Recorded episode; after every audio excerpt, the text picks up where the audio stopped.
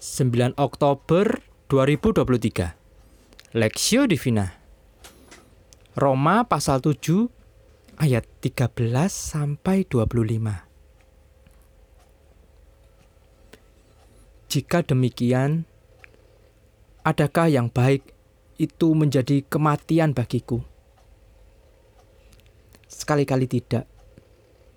Tetapi supaya nyata bahwa ia adalah dosa, maka dosa mempergunakan yang baik untuk mendatangkan kematian bagiku, supaya oleh perintah itu dosa lebih nyata lagi keadaannya sebagai dosa.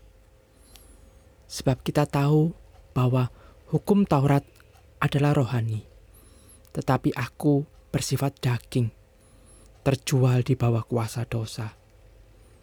Sebab apa yang aku perbuat Aku tidak tahu. Karena bukan apa yang aku kehendaki yang aku perbuat, tetapi apa yang aku benci, itulah yang aku perbuat.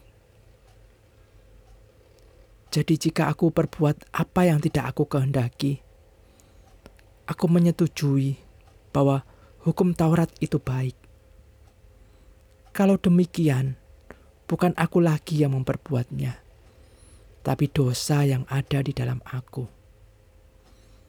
Sebab aku tahu bahwa di dalam aku, yaitu di dalam aku sebagai manusia, tidak ada sesuatu yang baik.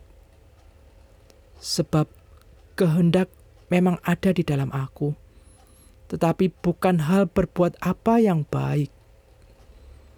Sebab bukan apa yang aku kehendaki, yaitu yang baik yang aku perbuat, melainkan apa yang tidak aku kehendaki, yaitu yang jahat yang aku perbuat. Jadi, jika aku berbuat apa yang tidak aku kehendaki, maka bukan lagi aku yang memperbuatnya, tetapi dosa yang diam di dalam aku. Demikianlah aku di Demikianlah aku dapati hukum ini. Jika aku menghendaki berbuat apa yang baik, yang jahat itu ada padaku. Sebab di dalam batinku, aku suka akan hukum Allah. Tetapi di dalam anggota-anggota tubuhku, aku melihat hukum lain yang berjuang melawan hukum akal budiku dan membuat aku menjadi tawanan hukum dosa yang ada di dalam anggota-anggota tubuhku. Aku manusia celaka. Siapakah yang akan melepaskan aku dari tubuh maut ini?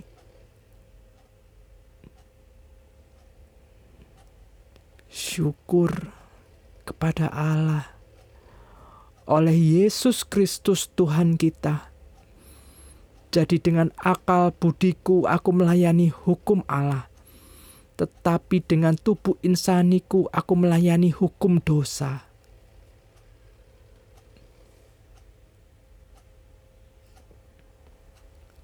Aku lama dan baru perspektif. Aku manusia celaka, siapakah yang akan melepaskan aku dari tubuh maut ini? Syukur kepada Allah oleh Yesus Kristus Tuhan kita. Roma pasal 7 ayat 24 dan 35. Amazing grace, how sweet the sound that saved a wretch like me.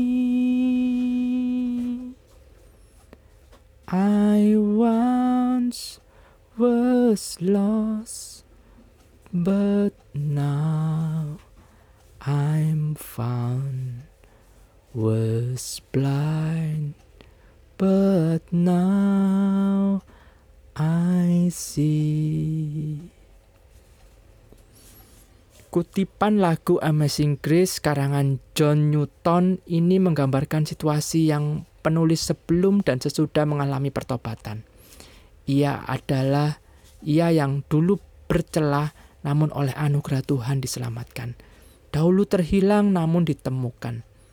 Dan sebelumnya buta secara rohani, kini dapat melihat kembali dengan jelas siapa dirinya yang telah diselamatkan oleh anugerah Tuhan. Itulah gambaran diri John Newton yang lama dan yang baru. Firman Tuhan ini menyatakan pergumulan Paulus akan dosa. Paulus sadar bahwa di dalam diri orang percaya mengalami peperangan rohani yang hebat karena masih hidup sebagai manusia yang penuh kelemahan dan dalam daging. Memiliki roh kudus, namun juga hawa nafsu daging. Tahu apa yang baik dan berkenan kepada Allah, tetapi keinginan daging masih ingin melakukan dosa. Paulus mengakui sebab bukan apa yang aku kehendaki yaitu yang baik yang aku perbuat, melainkan apa yang tidak aku kehendaki, yaitu yang jahat yang aku perbuat. Ayat 19. Bersyukur Paulus tidak berhenti pada pengakuan. Paulus sadar dengan kekuatannya sendiri, ia tidak dapat menang atas dosa. Ia berseru, Aku manusia celaka. Siapa yang akan melepaskan aku dari tubuh maut ini? Ayat 24. Jawabnya adalah syukur kepada Allah oleh Yesus Kristus Tuhan kita. Ayat 25. Paulus tahu bahwa dalam Kristus ada kemenangan dan kelepasan sejati. Setiap orang Kristen tentu bergumul dengan manusia lama dan dosa. Kebiasaan buruk, karakter yang tidak memuliakan Tuhan, maupun dosa-dosa yang hanya diketahuinya dengan Tuhan – Kabar baiknya adalah ketika seorang percaya kepada Kristus, ia menjadi ciptaan yang baru, memiliki Roh Kudus di dalam dirinya.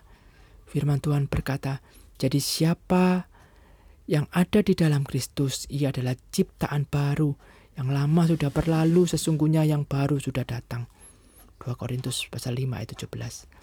Inilah identitas, inilah identitas baru orang percaya memiliki hidup baru dalam Kristus dan Roh Kudus akan menolong dan membimbing mereka untuk mencapai kemenangan atas dosa.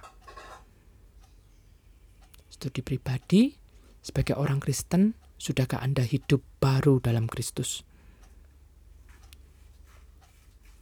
Di area mana Anda sedang bergumul melawan kedagingan? Siapakah penolong Anda? Pokok doa, berdoalah agar jemaat mengalami pertobatan sejati dan hidup sebagai manusia baru dalam Kristus. Kuasa Tuhan dalam Roh Kudus boleh menuntun, memberi kemenangan bagi pergumulan hidup jemaat Tuhan.